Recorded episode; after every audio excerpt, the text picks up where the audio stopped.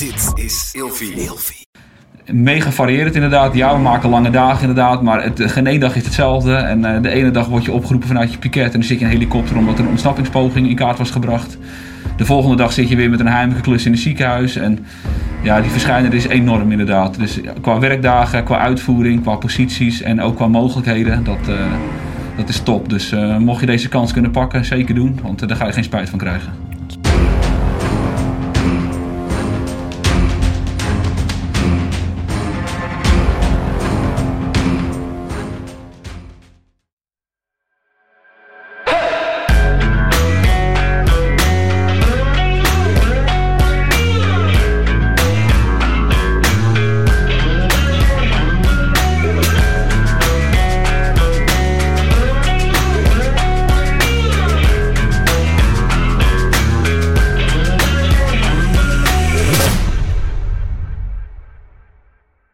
Zo, welkom bij een speciale aflevering van Scherpschutters. Vandaag hebben wij te gast een aantal eh, mensen vanuit uh, de bijzondere ondersteuningsteam, uh, afgekort het BOT. Dan gaan wij het hebben over de selectie, want op dit moment staat er namelijk een factuur open voor senior transportbegeleider. Um, en kunnen mensen solliciteren tot 8 februari. Um, en ik wil natuurlijk alles van weten. Dus we gaan uh, erin duiken wat het uh, selectieproces is, hoe je kan solliciteren. Daar ga ik zo meteen mee starten met Peter, die tegenover mij al zit. Peter, welkom bij Scherpschutters. Ja, mooi dat ik hier mag zijn. Tof dat je, dat je aanschuift. Voor iedereen die hier komt aanschuiven heb ik altijd heel veel respect. Want het is natuurlijk gewoon spannend om hier te gaan zitten. We hebben onder andere zometeen na Peter hebben we ook nog aan tafel zitten een afdelingshoofd. Of, of dat noem je dan eigenlijk de hoofd van dienst. Ik moest even spieken. Uh, hoofd van dienst uh, hebben we hier aan tafel zitten. Uh, we hebben een sectiecommandant van het bot aan tafel zitten. Dat is eigenlijk dan het, het hogere niveau van de leidinggevende binnen het bot. En dan zakken we zo af naar twee, ja, ik noem dat operators, maar officieel noem je dat niet zo. Dat zijn verantwoordelijk beveiligingsambtenaar, noem je dat. En, het, en, een, en een lid van het bot. Dus dat zijn de, de, de mensen die daadwerkelijk het werk doen op dagelijkse basis. En uh, ga uh, het uh, hemd van het live vragen. Jullie hebben zelf ook als kijkers veel vragen ingediend en die hebben we allemaal verzameld. En ik ga die zo meteen vragen. En tegenover mij zit dus Peter Elzinga en jij bent hoofd van de werving en selectie van DVNO. Klopt dat? Dat klopt helemaal. Super. Ja. Kan, jij zelf heel kort jezelf voorstellen en aangeven wat jouw functie dan inhoudt? Uh, mijn naam is Peter Elzega. Uh, sinds uh, 2002 in dienst van de dienst vervoer, vervoer en ondersteuning, DVNO.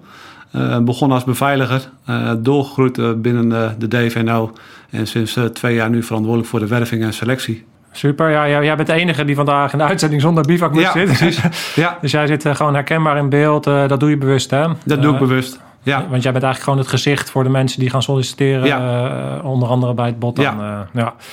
Hey, laten we eens uh, snel erin duiken. Waarom hebben jullie de sollicitatieronde opengezet? En gebeurt, dat op, gebeurt dat vaker? Of hoe vaak zetten, zetten jullie zo'n ronde open? Nou, afgelopen jaar hebben we nu twee keer de vacatureronde opengezet. we hebben veel vraag naar goede botters. vandaar dat wij nu ook weer meer mensen nodig hebben. Vandaar dat we de vacature weer hebben gepubliceerd. Ja, ja, en uh, hoeveel mensen hebben jullie nu uh, nieuw nodig? We kunnen maximaal 16 uh, mensen kunnen in de opleiding. Ja, ja dus het is een, Alleen het aantal hebben we nog nooit gehaald. Dus we proberen ook op deze manier ook meer aandacht te geven voor het bod. En dat de juiste mensen ook gaan solliciteren. En dat we de opleiding vol kunnen krijgen. Ja, want heb je een idee waarom het lastig is om dan zo'n eenheid te vullen? Want het lijkt me een super interessant werk. ja, het is vaak nog wel een onbekend iets. het, of het bot. Bij veel mensen niet bekend. Uh, mensen vinden het soms nog lastig om ons te vinden. En wij zoeken op deze manier de juiste mensen met de juiste achtergrond. die mogelijk uit de beveiliging komen, een politieachtergrond hebben. Of bij Defensie, die een, een andere vervolgstap willen maken in hun carrière. Dan is dit een hele mooie opstap om botlid te gaan worden. Ja, want je noemt het zelf al een beetje. Je krijgt veel vragen over van... kan ik solliciteren als ik zus of als ik zo? Uh, dus de ene zit bij luchtmobiel, de andere is gewoon een burger... en werkt misschien op de ambulance. Kan je even het hele spectrum noemen van uh, degene die in aanmerking zou komen... Um, om bij jullie te komen werken? Nou, je moet wel een bepaalde achtergrond hebben. je moet goed voorbereid zijn. En we zoeken echt de mensen eigenlijk wel die al een tijd bij de politie hebben gezeten. Of bij Defensie, Marechaussee, Luchtmobiel. Of wel een beveiligingsachtergrond hebben. Van, kom je bijvoorbeeld net van de school, je hebt net de beveiliger 2 opleiding gevolgd en zonder je rugzak eigenlijk gevuld te hebben, ja, dan komt deze stap eigenlijk wel te vroeg. Ja, ja, maar mag je ook als burger solliciteren? Ja, dus je mag als eh, burger solliciteren. Dus ehm, ehm, ben je, heb je een defensieachtergrond en, uh, of bij de politie en ben je mogelijk een paar jaar geleden daar weggegaan, heb je heel wat anders gedaan, ja, dan is dit wel de mogelijkheid weer om terug te keren binnen de overheid. Ja, ja, en, en mogen zowel mannen als vrouwen solliciteren? Ja, mannen en vrouwen zijn, zijn, zijn welkom. Oké. Ja.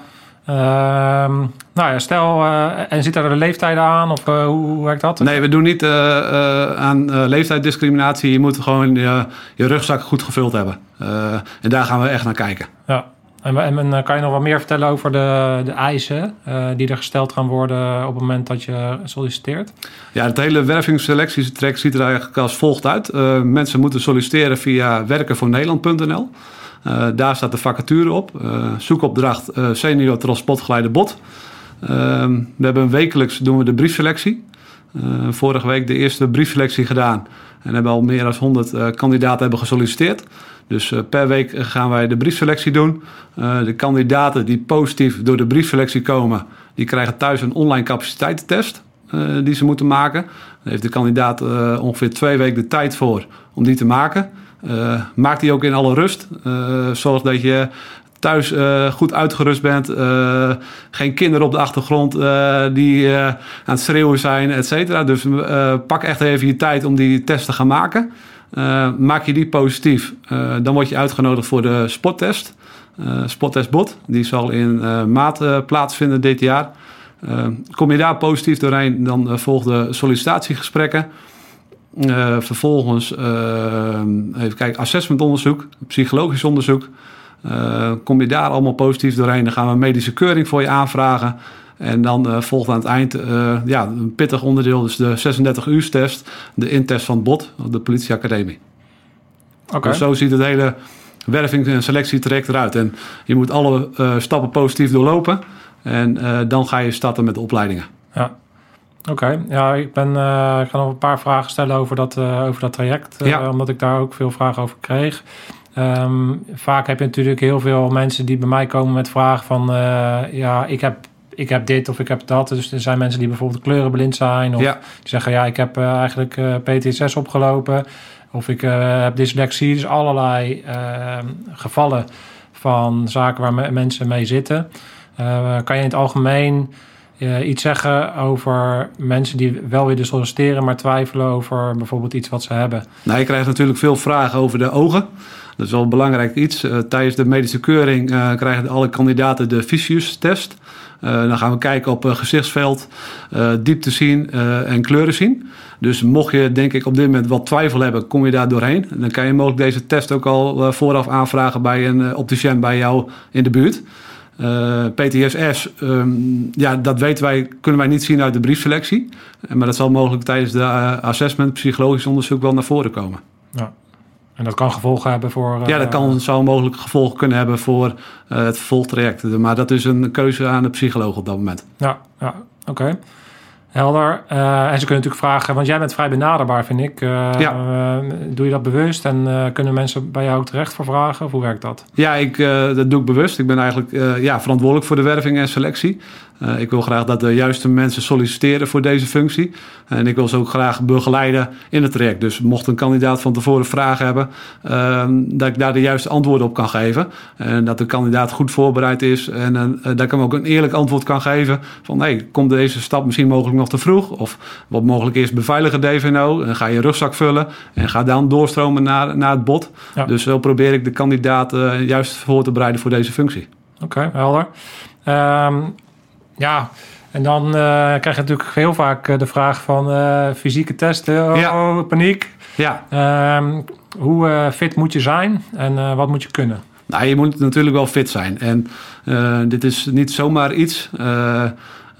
tijdens een sporttest ga je de 1500 meter lopen. het zwemonderdeel is er op dit moment eventjes uit in verband met corona. Ehm, je gaat de hip-hops doen, de pull-ups, de push-ups.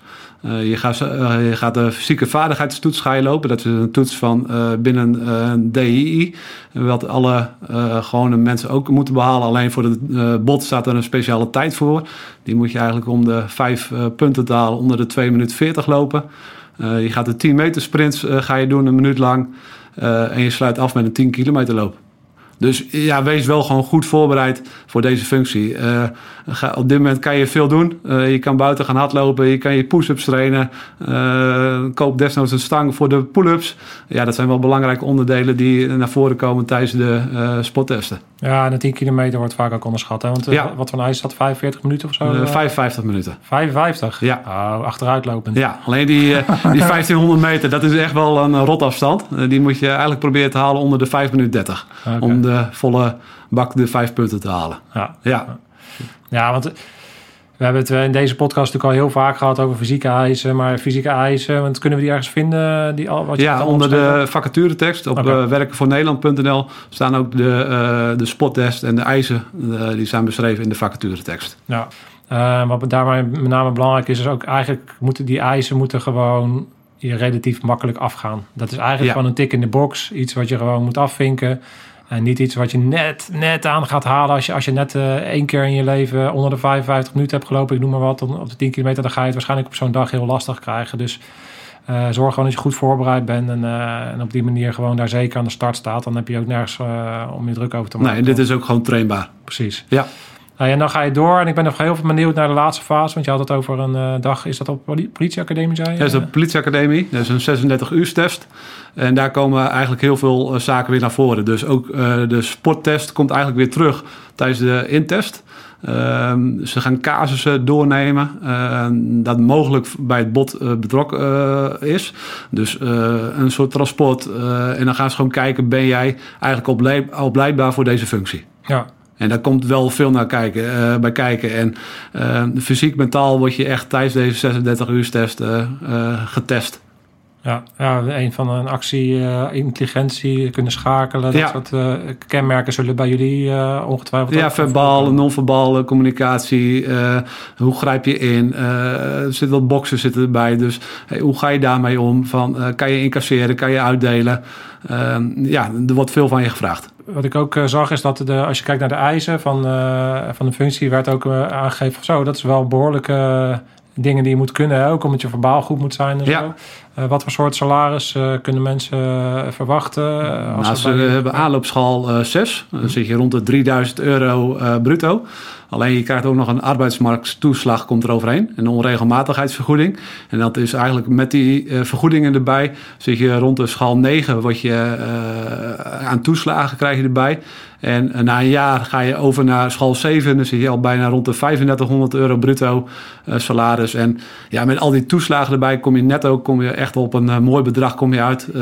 als je uit de opleiding komt, kom je echt met een leuk salaris kom je thuis. Ja, Um, helder. Ik kijk eventjes, uh, ik spiek eventjes. Uh, ja, misschien nog een paar dingetjes um, over loopbaan. Want ik kan me voorstellen dat als jij een operator bent en uh, bijvoorbeeld bij een AT of ik noem maar wat, of bij, een, bij de commando's of je zit bij een luchtmobiel of en je, je, overweegt om bij het bot te gaan. Dan is het toch ook wel interessant om te weten van hoe is dat in te passen in een bepaalde loopbaan binnen Defensie of Justitie. Uh, wat zijn de loopbaanontwikkelingen die je kan doen binnen jullie organisatie na het bot bijvoorbeeld? Nou, je kan altijd, uh, sommigen hebben wel een achtergrond in de sport. Dus je kan mogelijk nog uh, docent worden binnen de DVNO. Uh, sommigen kunnen doorstromen naar een teamleider uh, of afdelingshoofd. Ja, misschien wel bij de DVNO. Of maar ook misschien heb je het zo goed naar je zin. Of heb je ervaring opgedaan binnen DI. Dat je in een gevangenis als teamleider of afdelingshoofd aan het werk kan komen. Dus ja, zo zijn de intern DVNO echt wel doorgroeimogelijkheden. Uh, heb jij nog iets uh, toe te voegen? Volgens mij heb ik uh, een hoop uh, Ja, ik hoop dat jullie na deze zien van deze podcast echt ja, nog meer gemotiveerd zijn om te solliciteren. Ja, en doe dat alsjeblieft via werkenvoornederland.nl. En ik hoop dat we elkaar zien op een van de, de, de testen voor de DVNO. Super, dankjewel Peter. Ja, bedankt. Top.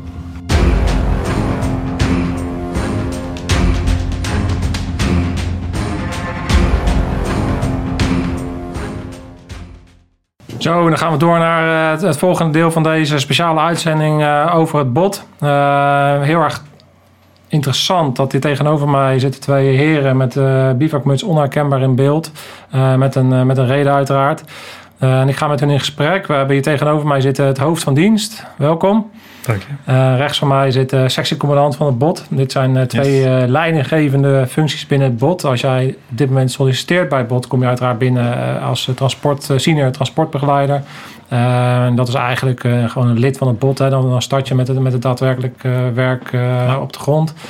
En, en, jullie zijn al doorgegroeid op functie. Dus we beginnen even met jullie om een beeld te krijgen van wat houdt het werk allemaal in. En ja, wat is het BOT eigenlijk? Dus uh, daar zou ik eigenlijk mee willen starten. Uh, zou jij eens kunnen vertellen in eigen bewoording wat het bot eigenlijk is? Ja, zo'n 25 jaar geleden zijn er een aantal incidenten geweest in de gevangenis. Denk daarbij aan gijzelingen, ontvluchtingen, uh, ontsnappingspogingen met een helikopter. Um, justitie was dat eigenlijk behoorlijk beu. En die heeft toen een team opgericht die het hoogste kaliber gedetineerden beveiligt. En daar is het bot ontstaan. We hebben eigenlijk als inzetcriteria hebben we uh, vluchtgevaar door middel van wapens. Dus als er vluchtgevaar ontstaat op de gedetineerde, of liquidatiegevaar op de gedetineerde. Dan zijn wij verantwoordelijk.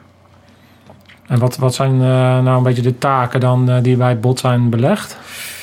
Ehm, nou, we hebben natuurlijk de zorg voor de gedetineerde. Dat klinkt misschien raar, maar ja, we moeten zorgen dat deze ook ja, terecht uh, zijn recht kan belopen. Uh, lezen naar zit, zittingen kunnen gaan. Uh, maar die moet ook een verhoor kunnen doen met zijn advocaat.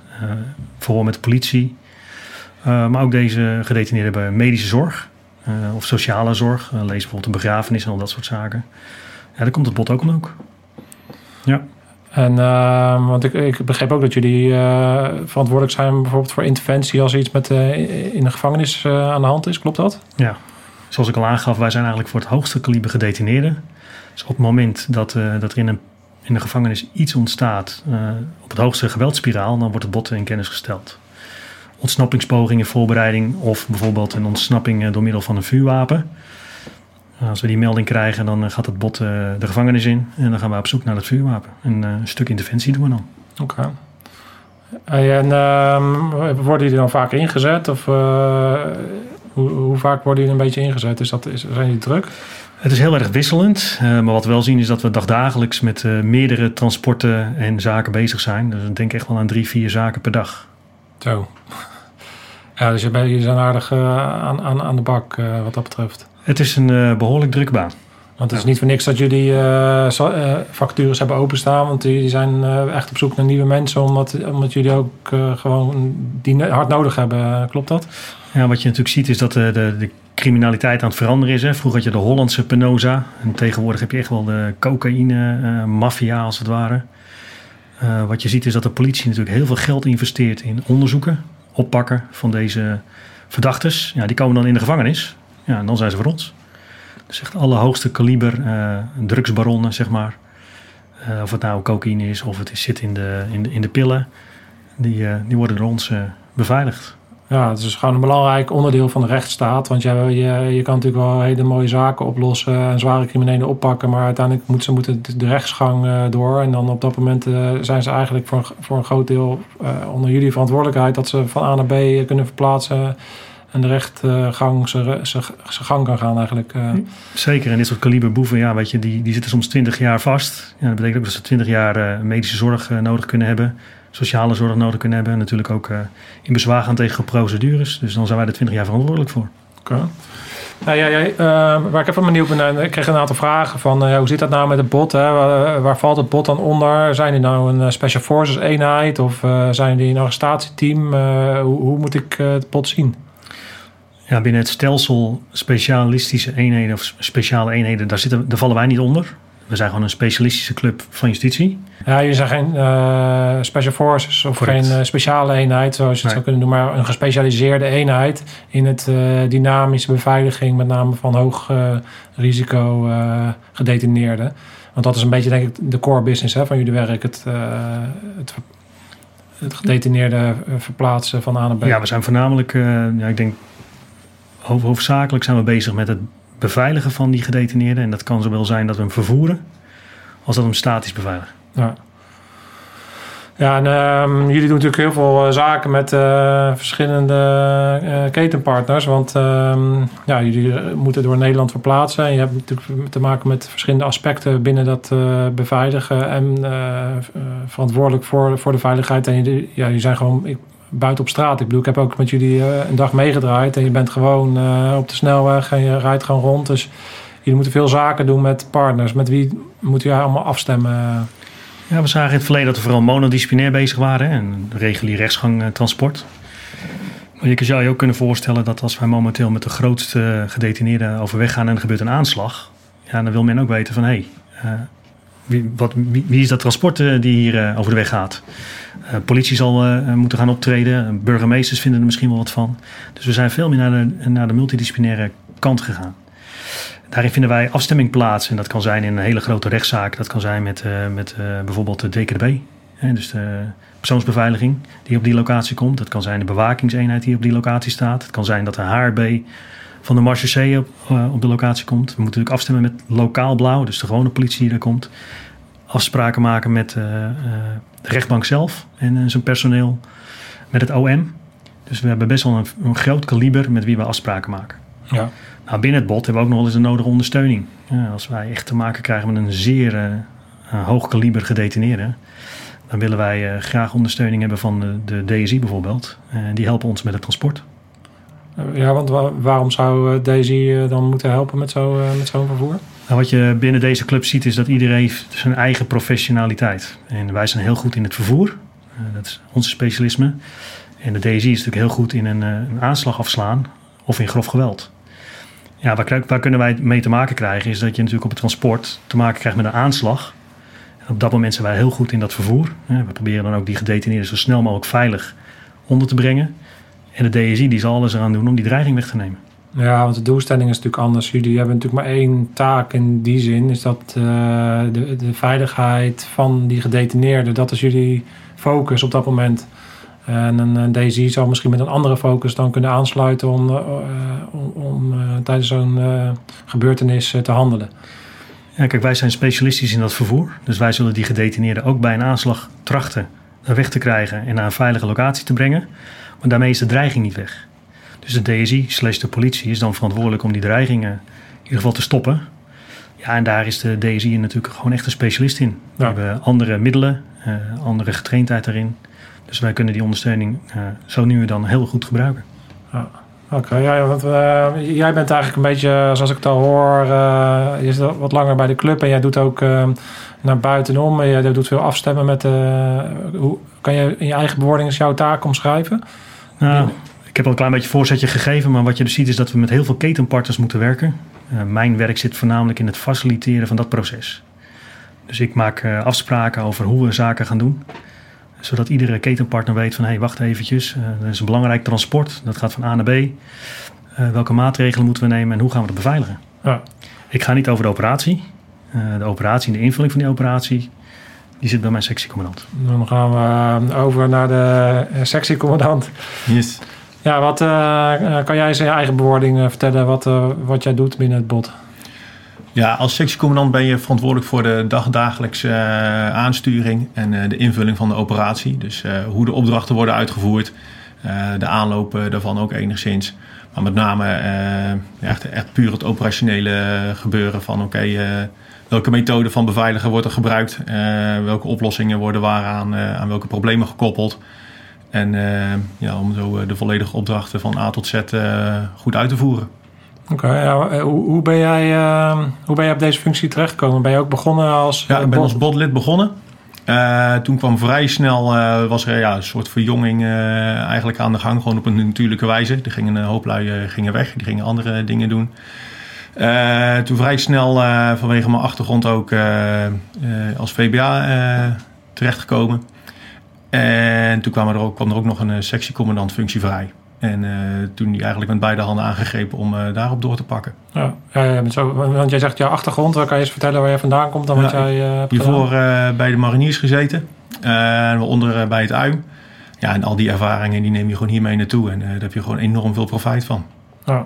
Ja, dat is wel interessant, want ik denk dat jullie van allerlei onderdelen ja. bij jullie hebben werken. Hoe, hoe, hoe, kijk jij daarnaar en waarom is dat belangrijk? Om dat binnen nou, zeker de laatste tijd zie je gewoon van de afgelopen opleidingen dat er steeds een grotere mix erbij is gekomen.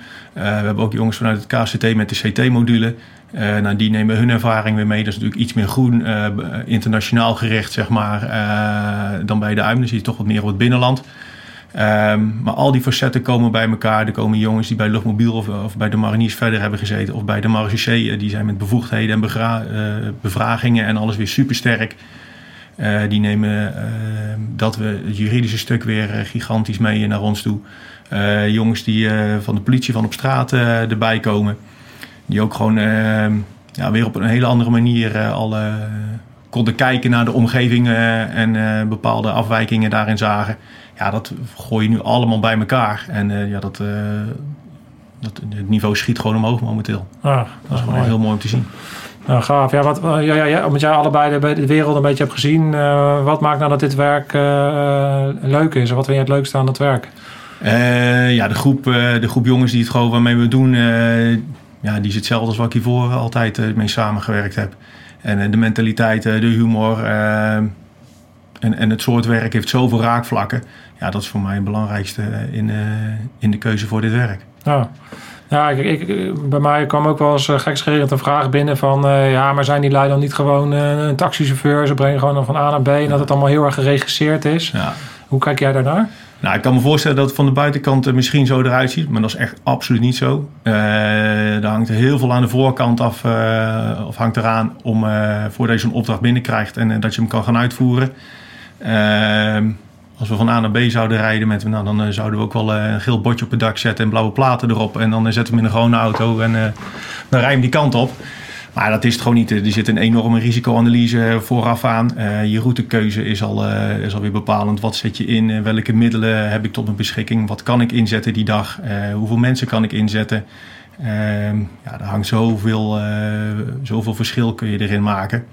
En ja, ja. van A tot B rijden, dat, dat is het gewoon echt niet. Nee, nee, ik kan me dat heel goed uh, voorstellen. Ik denk zelfs dat het, uh, dat het ook wel uitdagend is om continu scherp te blijven. Want het is eigenlijk zo dat het, als, als die aanslag komt of jullie worden een keer aangegrepen, dan zal die ook kei en keihard komen ja, natuurlijk. Met de zwaarste middelen. Ja. Ja, dus dus, dus je, het is heel vaak natuurlijk scherp zijn. Terwijl uh, ja, de kans heel groot is dat er niks gebeurt. Maar als die gebeurt, moet je zo uh, ongelooflijk gereed dan moet zijn. kloppen. Ja. ja, dan moet alles kloppen. Dus dat, is, dat geeft echt een, uh, een tak van sporten weer. Natuurlijk waar je voor op, op hoog niveau moet acteren. Ja, in principe word je gewoon elke dag ingezet. Dat, we, hebben elke, we hebben dagen, dagelijks hebben opdrachten. Ja, en elke opdracht is voor het EGI. En ja, daarin verzaken kan gewoon niet. Nee. Daar is gewoon geen ruimte voor. Dus gewoon uh, scherp zijn en, uh, ja, en gewoon mooi werk. Want ik, ja. ik had hetzelfde hoor. Ik ben natuurlijk ook een tijdje weg geweest. En ik heb toen met jullie meedraaid. Dus meteen uh, het, sfeer, het sfeertje eromheen. En zodra het dan aangaat, dus de, de, klus begint... dan is het meteen ook weer strak en super professioneel. Um, en, en, achteraf is het gewoon weer lachen en gieren brullen. Ja, ja daarna moet je ook weer je ontspanning zeker hebben. Dat, dat is gewoon hard nodig. En uh, die ruimte is er ook, dus dat, uh, dat is een goede, goede afwisseling. Ja, dus gezonde, een, gezonde goede balans zijn. Ja, ja. ja zeker. Ja, nice. Hey, uh, kan je iets vertellen over specialismes binnen, binnen de club? zijn je daarmee bezig? Of kan je bijvoorbeeld medic worden of een ander specialisme doen? Ja, daar zijn we nu inderdaad mee bezig om daar de volgende stap weer in te zetten. inderdaad, onder andere op medisch gebied en bijvoorbeeld ook op dronegebied. En uh, ja, daar zal het ongetwijfeld niet bij blijven. Daarin eh, zijn we ook gewoon groeiende. En dat maakt het werken straks uh, ja, nog interessanter eigenlijk. Uh, het wordt wel weer nog complexer. Maar dat, als je gewoon nu kijkt naar de groep die er nu staat, die kunnen dat allemaal prima aan. En daar, kun je, daar moet je ook gewoon gebruik van maken. Dat, dat, je, dat je die ruimte en die vaardigheden ook gewoon gaat benutten. Ja, ja, dat is wel, ja, ik vind het altijd interessant wel. En natuurlijk, uh, zie je ook wel eens verteld, bij, bij een AT kan je natuurlijk op een gegeven moment ben je gewoon AT'er. Er zijn altijd gasten die zijn ergens heel erg goed in, of met techniek of weet ik ja. wat. Of uh, we willen graag explosieven doen of zo. En zo kan je natuurlijk ook weer, ook omdat je zo'n diversiteit binnen de club hebt. Ja, klopt. Ja. Kan je natuurlijk uh, dat soort vaardigheden weer heel erg benutten om nog beter te worden. Want er is altijd ruimte natuurlijk om beter te worden. Dus ja, interessant. En dat, want, want als ik dat zo hoor en ik naar jou kijk, dan heb ik ook het idee dat jij daarin, uh, dat, dat je dat ook interessant vindt, dat er nog ontwikkeling in die club zit. Ja, zeker. Ja, er zit gewoon rek in en uh, die zijn we nu aan het benutten. En uh, het is niet in één, twee dagen geregeld uiteraard, maar ja, we benutten die ruimte wel. En daarmee maken we nog steeds stappen en dat is hartstikke mooi. En ook het, op het gebied van Intel zijn, we die, zijn we die stap ook al heel goed aan het maken. Ja, dan word je gewoon zoveel sterker van als eenheid. En uh, ja, je moet, je moet ook gewoon mee. Zo simpel is het ook. Ja. Want de maatschappij die verhardert, de tegenstander die gaat ook mee. En uh, die moet je gewoon voorblijven. Ja. De kracht zit in het team, hè? Dus we hebben al die specialisten allemaal bij elkaar uit verschillende disciplines. Ja, die moeten vooral benutten. Het zou zonde zijn als ze er niks, niet iets mee zouden doen. Ja. Dus dat maakt het dynamisch. Ja. Nice. Ik kan, uh, misschien ga ik me ook maar melden. Ja. nee, wat, je wat je moet doen. zit er een leeftijdsgrens aan? Nou ja, uh, kan jij, wat ik als laatste even benieuwd ben, uh, stel ik om de opdracht binnen, hoe, hoe, hoe komt dat? Ik neem aan dat dan ergens bij jou binnenkomt en dat het langzaam uh, naar beneden glijdt. Hoe kan je daar eens wat over ja, vertellen? er zijn eigenlijk twee wegen. Je hebt een reguliere rechtsgang.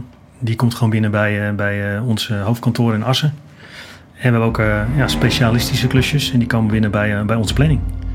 Onze planning die gaat er naar kijken van, hey, hebben we genoeg capaciteit? Dan komen er andere specialisten bij, dat zijn onze werkvoorbereiders. Die gaan even kijken van hey, wat is er nou allemaal nodig om deze klus uit te voeren. Hoeveel mensen, hoeveel materiaal, uh, van, ja, van welke locaties. En dan komt hij bij de sectiecommandant of bij de VBA en die gaat er een plan op maken.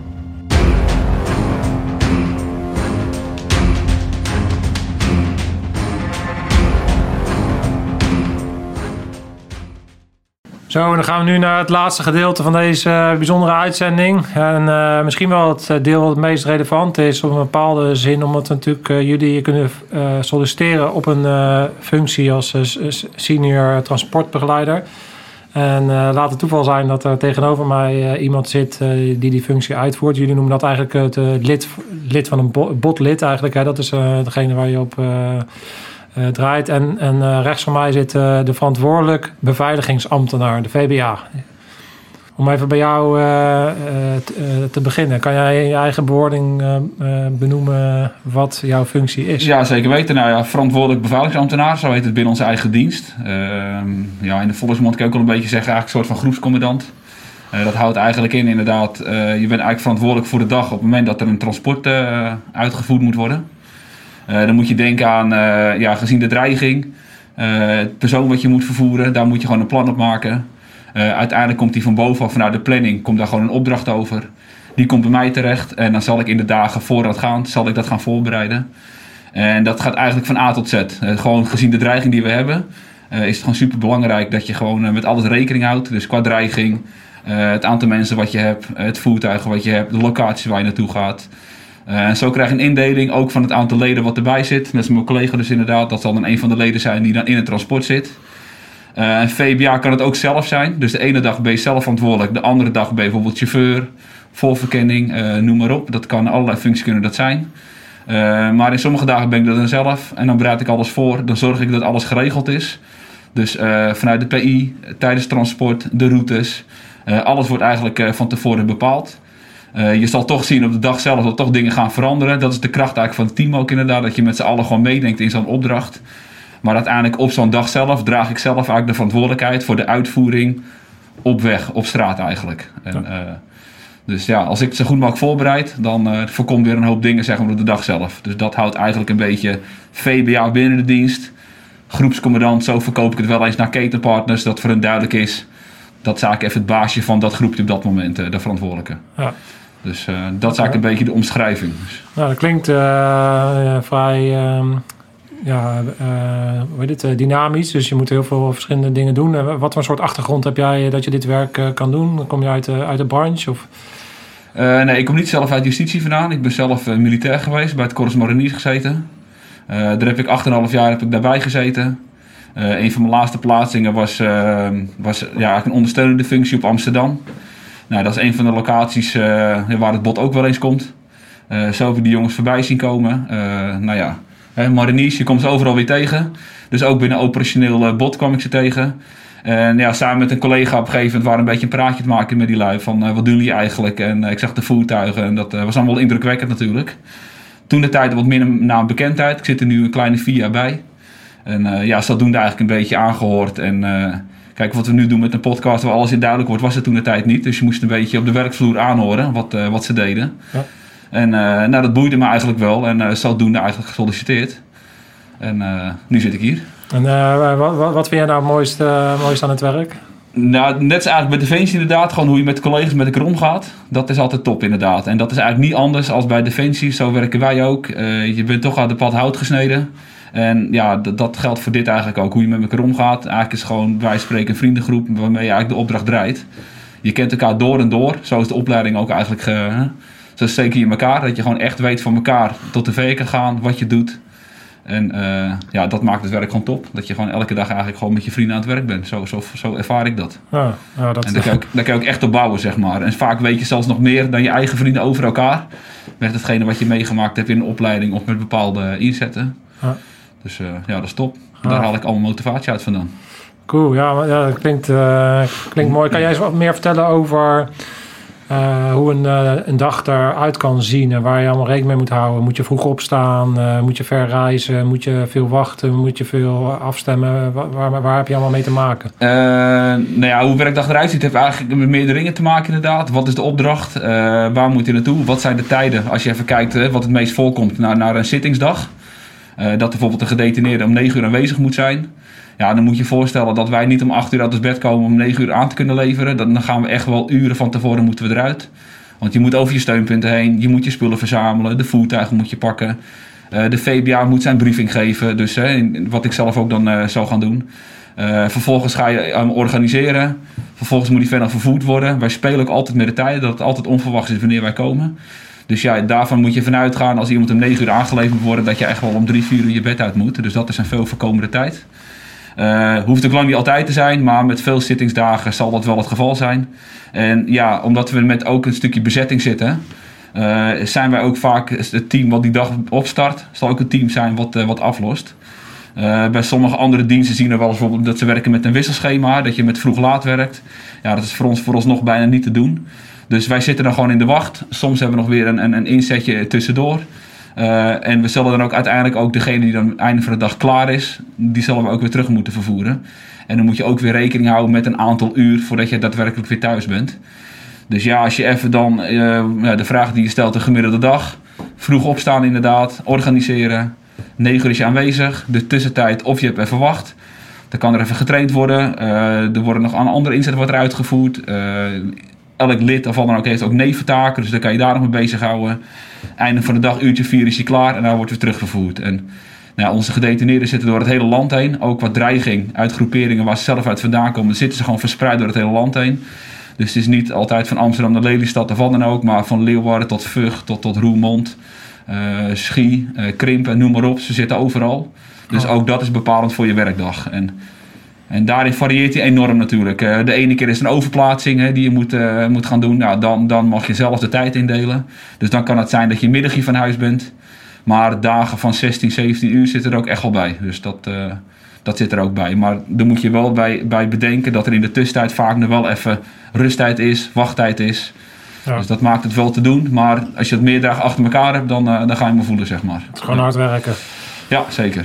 Uh, is het goed, is het goed te combineren met je thuisfront? Ik kan me voorstellen dat je bent marinier geweest, dus je bent wel wat gewend. Maar hoe, vind jij dat, de werk- en privébalans? Ja, het moet in eerste tijd wel, wel, goed zitten thuis uiteraard. maar ja, mijn vriendin heb alle respect voor het werk wat ik doe. Ehm, ja, kijk, je bent altijd thuis. Ook al moet je vroeg op, je bent laat thuis. Je ligt altijd s'avonds weer naast haar. Dus dat is, dat is altijd goed. En ja, het is vier dagen werken. Uh, dus daar ben je eigenlijk drie dagen ben je dan gewoon thuis. Dus een doordeweekse dag. Je hebt vaak een roostervrije dag. Die wil nog wat variëren, maar je hebt gewoon een vrije dag. En dus ja, wat dat betreft, vier dagen werken, drie dagen thuis. Als ik die vier dagen lang van huis ben, ik weet altijd, het weekend ben ik gewoon weer thuis. Uh, nou, mits je natuurlijk piket hebt, dan, uh, dan kan je wel opgeroepen worden. Maar de meeste weken zit toch wel op die vier dagen. Dan natuurlijk wel wat langer dan tien uur, veel dagen. Maar het is prima te combineren wat dat betreft. Eh. Maar het, het grootste nadeel van het werk is wel dat de dagen dat je aan het werk bent, kan je eigenlijk weinig betekenen voor thuis. Want ben ik vier uur thuis, ben ik s'avonds om tien uur thuis. Ja. Dat weet je niet, dus dat is wel iets waar je altijd rekening mee moet houden. Dus zorg de dagen dat je het werk bent, dat je thuis geregeld hebt. Alleen, nou ja, als je de dagen dat je vrij bent het weer meer wat voor thuis doet, dan kan je de andere dagen weer, weer zo uitvoeren dat je weer wat meer van huis bent. Hard werken, hard ontspannen toch? Zo is het, dat is de uitspraak inderdaad. En dat geldt hier zeker weten ook zo. Ja. Ja. Er wel te staan thuis, dat wel. Ja, want uh, ik wil even naar jou gaan. Want jij bent uh, eigenlijk, uh, jij voert het werk nu daadwerkelijk uit van degene die, die nu gaan solliciteren. Die komen op, jou, op jouw functie. Hoe lang doe jij dit werk al? net zo lang als mijn collega hiernaast, een jaar of vier, vier en half. Vier jaar. Ja. En ehm, hoe bevalt dat? Ja, hartstikke goed. er is afwisseling genoeg. Ehm, het hangt van de week af. Soms is het hollen, soms is het stilstaan. wat mijn collega al zei, lange dagen draaien. Uh, maar in principe is het uh, goed te behappen en uh, ja, de afwisseling is voor mij voldoende om het werk leuk te blijven vinden. Um, ja, waar ik even benieuwd naar ben, omdat jij ook dit werk doet van mensen die gaan nu solliciteren.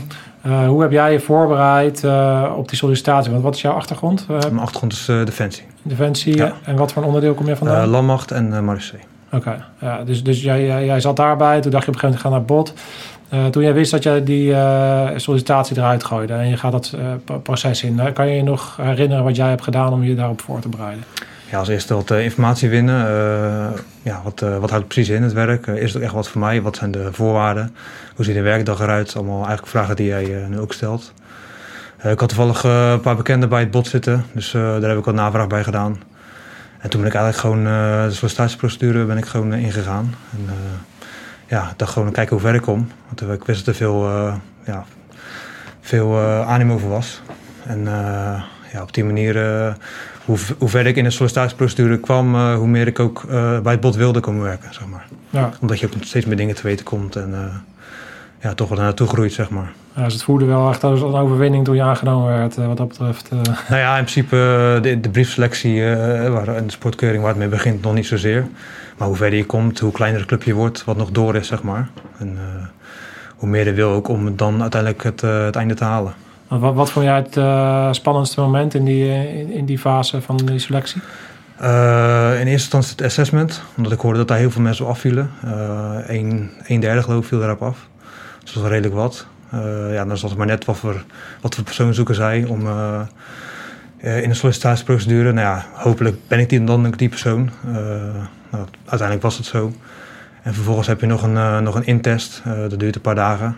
Daarna krijg je meerdere casussen uh, voorgeschoteld. En ja, moet je er best van zien te maken en een goed plaatje afgeven. En ja, dan is het ook maar de vraag uh, zien zij wat ze willen zien en uh, ga ik door. Dus uh, dat was voor mij, die, die twee momenten waren voor mij wat spannendst. Ja, dus, wat ik je hoor zeggen eigenlijk is, is ook in een bepaalde zin een beetje loslaten. Gewoon binnen je eigen sfeer van invloed doen wat je kan doen. Ja, en gewoon het beste beentje voorzetten. En dan uiteindelijk, ja, je hebt, je hebt dat nooit 100% in, in de hand, zo'n hmm. zo'n procedure. Behalve dan natuurlijk je eigen inzet en, en, je, en je voorbereiding. Want heb jij het idee gehad dat, je, dat jouw achtergrond uh, van waarde was op het moment dat je dan in zo'n traject gaat? Zeker, ja. ja. En dus op wat voor manier? nou, er wordt ook al verwacht van je dat je een rugzakje meeneemt uh, richting het bot. En op wat voor manier? Jij hebt natuurlijk veel ervaring in, in beveiligingstaken al bij Defensie gehad en in bepaalde situaties. En daar refereer je naar als je een casus voor je kiezen krijgt. Dan, ja, dan weet je al hoe je daar een beetje om moet gaan of wat ze een beetje van je willen zien. Uh, ik ben er wel achter gekomen dat het beste is gewoon om er blanco in te gaan. In die, in die testen, zeg maar. Niet te veel uh, denken van ze willen dit of ze willen dat zien per se. Gewoon reageren hoe jij denkt uh, te moeten reageren. En dan hopelijk is het goed genoeg. Ja, dat is wel een goeie. Want ik denk tegenwoordig zeker omdat mensen zo, zo erg gewend zijn geraakt... aan dat er zoveel informatie beschikbaar is. Zoals je al aangeeft, in mijn tijd hadden we geen podcast en weet ik het allemaal niet dat kan ook een valkuil zijn. Ja, zeker. Dat je dan altijd alles maar wil weten. Maar uiteindelijk gaat het juist om natuurlijk dat, dat, dat je binnen het bot een operator bent die kan schakelen. En die juist de goede dingen kan doen in onverwachte situaties ook. Hè? Juist, ja, absoluut. Ja. Dus uh, wat vind, heb jij wel eens iets uh, meegemaakt wat, uh, wat noemenswaardig is? Waarvan je denkt van ja, dit is echt wel kenmerkend voor het werk wat ik doe. En ja, iets spannends of iets.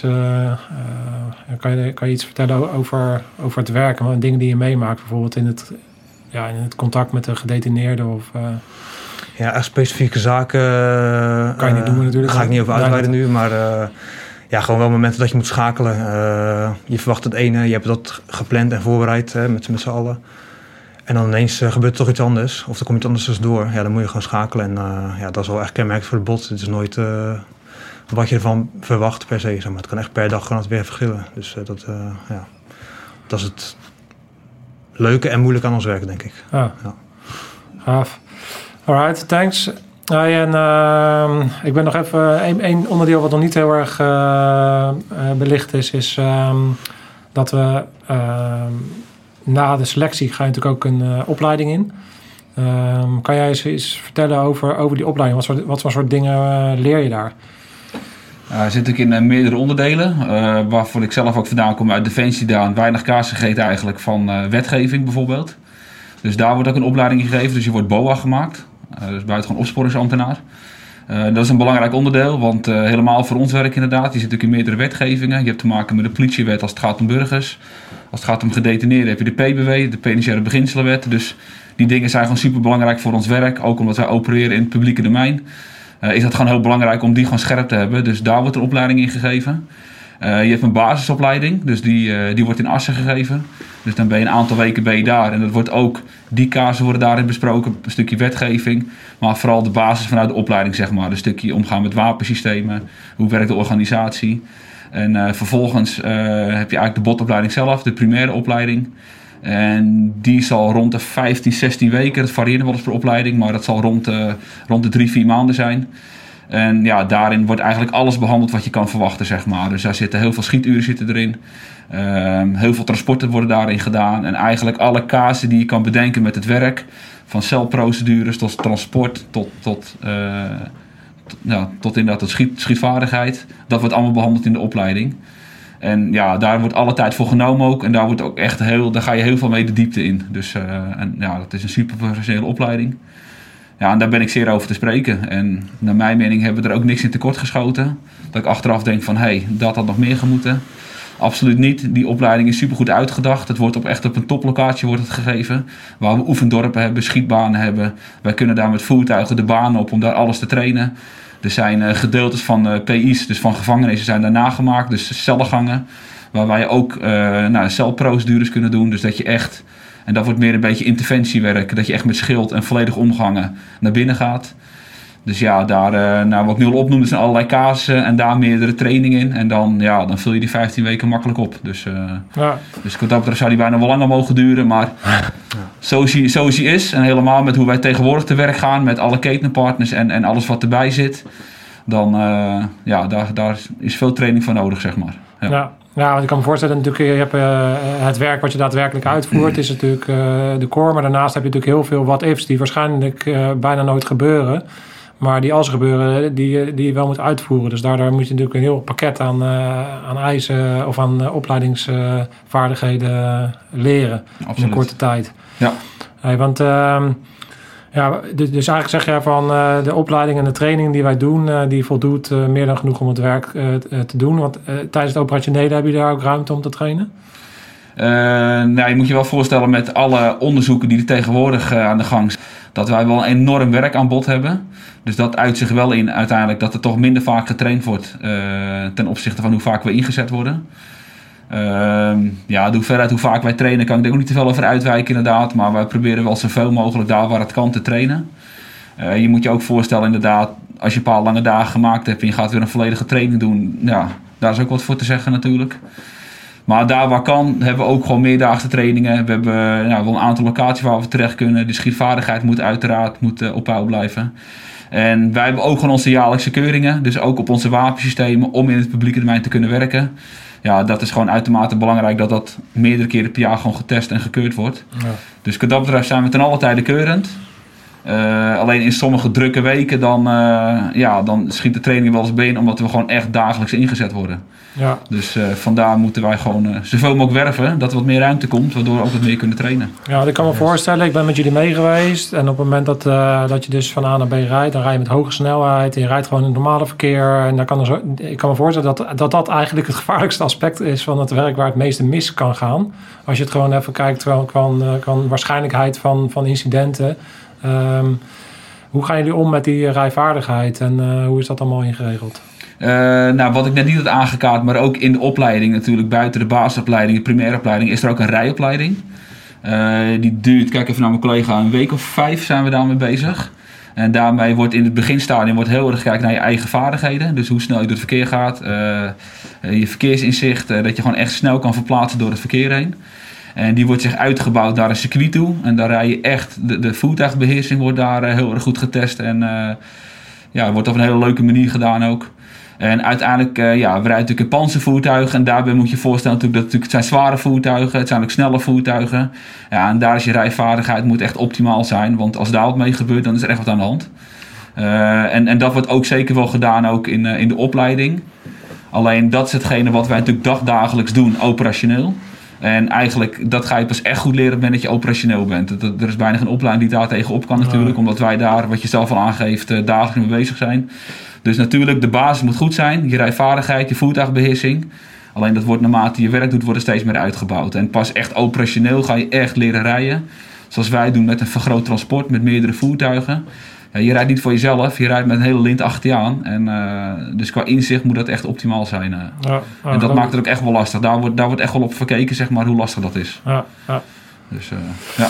Ja, want, want uh, jij bent dan lid van het bot en uh, uh, heb je ook verschillende functies? Ben je de ene keer chauffeur en de andere keer zit je achterin? Of hoe werkt dat? Ja, in principe wisselt dat. je hebt bij ons meerdere functies die je op een dag kan vervullen.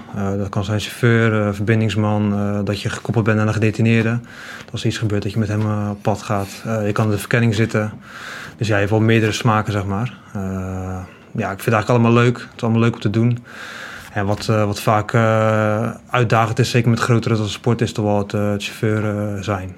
Dat het ja, gewoon lastig is om, om daar je weg in te vinden, zeg maar, zeker in het begin. maar als je eenmaal dat door hebt, het spelletje, hoe het werkt, dat het wel goed, ja, gewoon echt leuk om te doen is ook. Ja. Dus, ja. Ja, ik kan me voorstellen dat dat een uitdaging is. Want je kan daar geen seconde in verslappen. Je moet natuurlijk gewoon goed scherp zijn met alles wat, wat er gebeurt op de weg. Want het is meestal natuurlijk een ongeluk gebeurt natuurlijk niet door jullie, maar natuurlijk toch iemand anders die niet die schrikt van, van sirenes of... Nou ja, je moet het ook al zien, het is natuurlijk een samenwerking. Dus je hebt natuurlijk meerdere oogjes op de weg, hè, ja. collega's om je heen. Dus je attendeert elkaar altijd even, joh, er is nog oudje links of kijk uit, nog niet naar, naar rechts gaan of zulke dingen. Je wordt al gecoacht door de mensen ook meer heen. Ja. En dat voorkomt denk ik ook wel een hele hoop uh, trammeland. Ja. Ja, kijk, ik wil even naar de laatste vraag toe. En uh, kijk, eigenlijk zijn we hier uh, omdat we binnenkort dan uh, mensen gaan solliciteren. En die gaan door een selectie en dan gaan ze een training doen. En komen ze uiteindelijk bij jou in de eenheid. Um, ja, wat, wat zou jij willen meegeven aan de mensen die gaan solliciteren? En wat voor soort mensen hoop jij te verwelkomen in jouw eenheid? Ja, wat je nu toch vaak ziet mensen van Defensie. Mensen die wat jaartjes ervaring hebben op het gebied van beveiligen. Uh, ook in het groene, maar ook in het blauwe. die mix is heel fijn eigenlijk om, om, om te hebben voor ons. dan heb je straatervaring en uitzendervaring bijvoorbeeld, gevechtservaring. Ja, die mix, dan zie je gewoon, zo'n groep die trekt elkaar helemaal omhoog. Omdat ja, je, helpt elkaar zeg maar, in situaties die misschien voor de een onbekend zijn en voor de ander wel bekend zijn. Uh, ja, wat ik zou kunnen meegeven is ga er gewoon uh, blanco in. Uh, gebruik je ervaring bij situaties die van je gevraagd worden tijdens het proces. En uh, ga gewoon uit voor je eigen kunnen. En uh, ja, hoop op het beste. Ga niet te veel denken, ze willen dit of dat zien. Maar wees gewoon jezelf en reageer zoals je altijd uh, zou reageren. Oké, okay. top, thanks. En gewoon ja, fit zijn. Rammen, ja. rammen met je klaver. Ja. Rammen, ja. Je moet wel willen. Hè? Je moet wel willen, ja. ja. En jij, heb jij een laatste uh, tip voor, uh, voor degene die dit uh, avontuur aan willen gaan? Nee, ik sluit me volledig aan bij mijn collega inderdaad. En, en wat hij ook aangeeft, de, de, ja, de, de ketting is sterk als een zwakste schakel inderdaad. Dus als je gewoon die verscheidenheid hebt van allerlei eenheden, dat maakt die ketting super sterk. Dus van politieagent tot, tot militair, of in een marinier, KCT. De jongens uit BSB die er ook bij zitten. Dus uit alle hoeken hebben mensen vandaan en dat maakt het gewoon een ontzettend sterk team. En, en dat, dat is dat is ten alle tijden. En, ja, en daarmee, waarmee dan de klussen gaat draaien, dat is top natuurlijk. Het werk is gewoon echt fantastisch. En mega variërend inderdaad. Ja, we maken lange dagen inderdaad, maar het, geen één dag is hetzelfde. En uh, de ene dag word je opgeroepen vanuit je piket en dan zit je in een helikopter omdat er een ontsnappingspoging in kaart was gebracht. De volgende dag zit je weer met een heimelijke klus in een ziekenhuis. En ja, die verschijning is enorm inderdaad. Dus qua werkdagen, qua uitvoering, qua posities en ook qua mogelijkheden, dat, uh, dat is top. Dus uh, mocht je deze kans kunnen pakken, zeker doen. Want uh, daar ga je geen spijt van krijgen. Super. Ja. Right jongens, top. Alles gezegd? Ja, voor mij. Ja, denk ik wel. Uh, anders wordt het achterweg wel, denk ik. In de mensen. dat, Goeie zaak. Nee, leuk. Leuk dat we dit zou konden doen. Dankjewel voor jullie uh, bijdrage. En uh, iedereen die luistert en kijkt. Ik zou zeggen, ja, slok deze informatie op. bekijk goed wat allemaal gezegd wordt. Bekijk hem desnoods twee keer. Maar ga er ook gewoon weer open en bloot in. In de zin van laat je verrassen. En zorg gewoon dat je het beste beentje voorzet. En dan ga je kijken waar, waar je uit gaat komen. Veel succes voor alle mensen die gaan solliciteren. En ik hoop dat jullie wat hebben gehad aan deze special over het bijzonder bijstandsteam. Oh, zeg ik dat nou echt? Ondersteuningsteam. Die ga ik gewoon uitknippen, dat maakt niet uit. Dus uh, deze special over een bijzonder ondersteuningsteam. Dankjewel jongens voor het kijken en tot de volgende keer. Scherpschutters. Hoi, te.